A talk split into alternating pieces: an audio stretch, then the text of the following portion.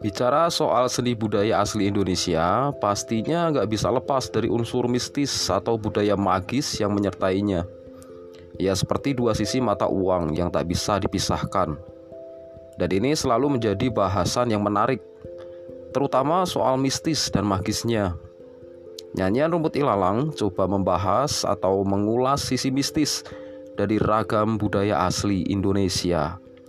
Juga nanti ada obrolan-obrolan bersama orang-orang yang mengalami, para praktisi kesenian-kesenian untuk berbicara dan bercerita pada kita soal unsur mistis dari budaya asli Indonesia yang indah, yang unik, dan selalu membawa kesan.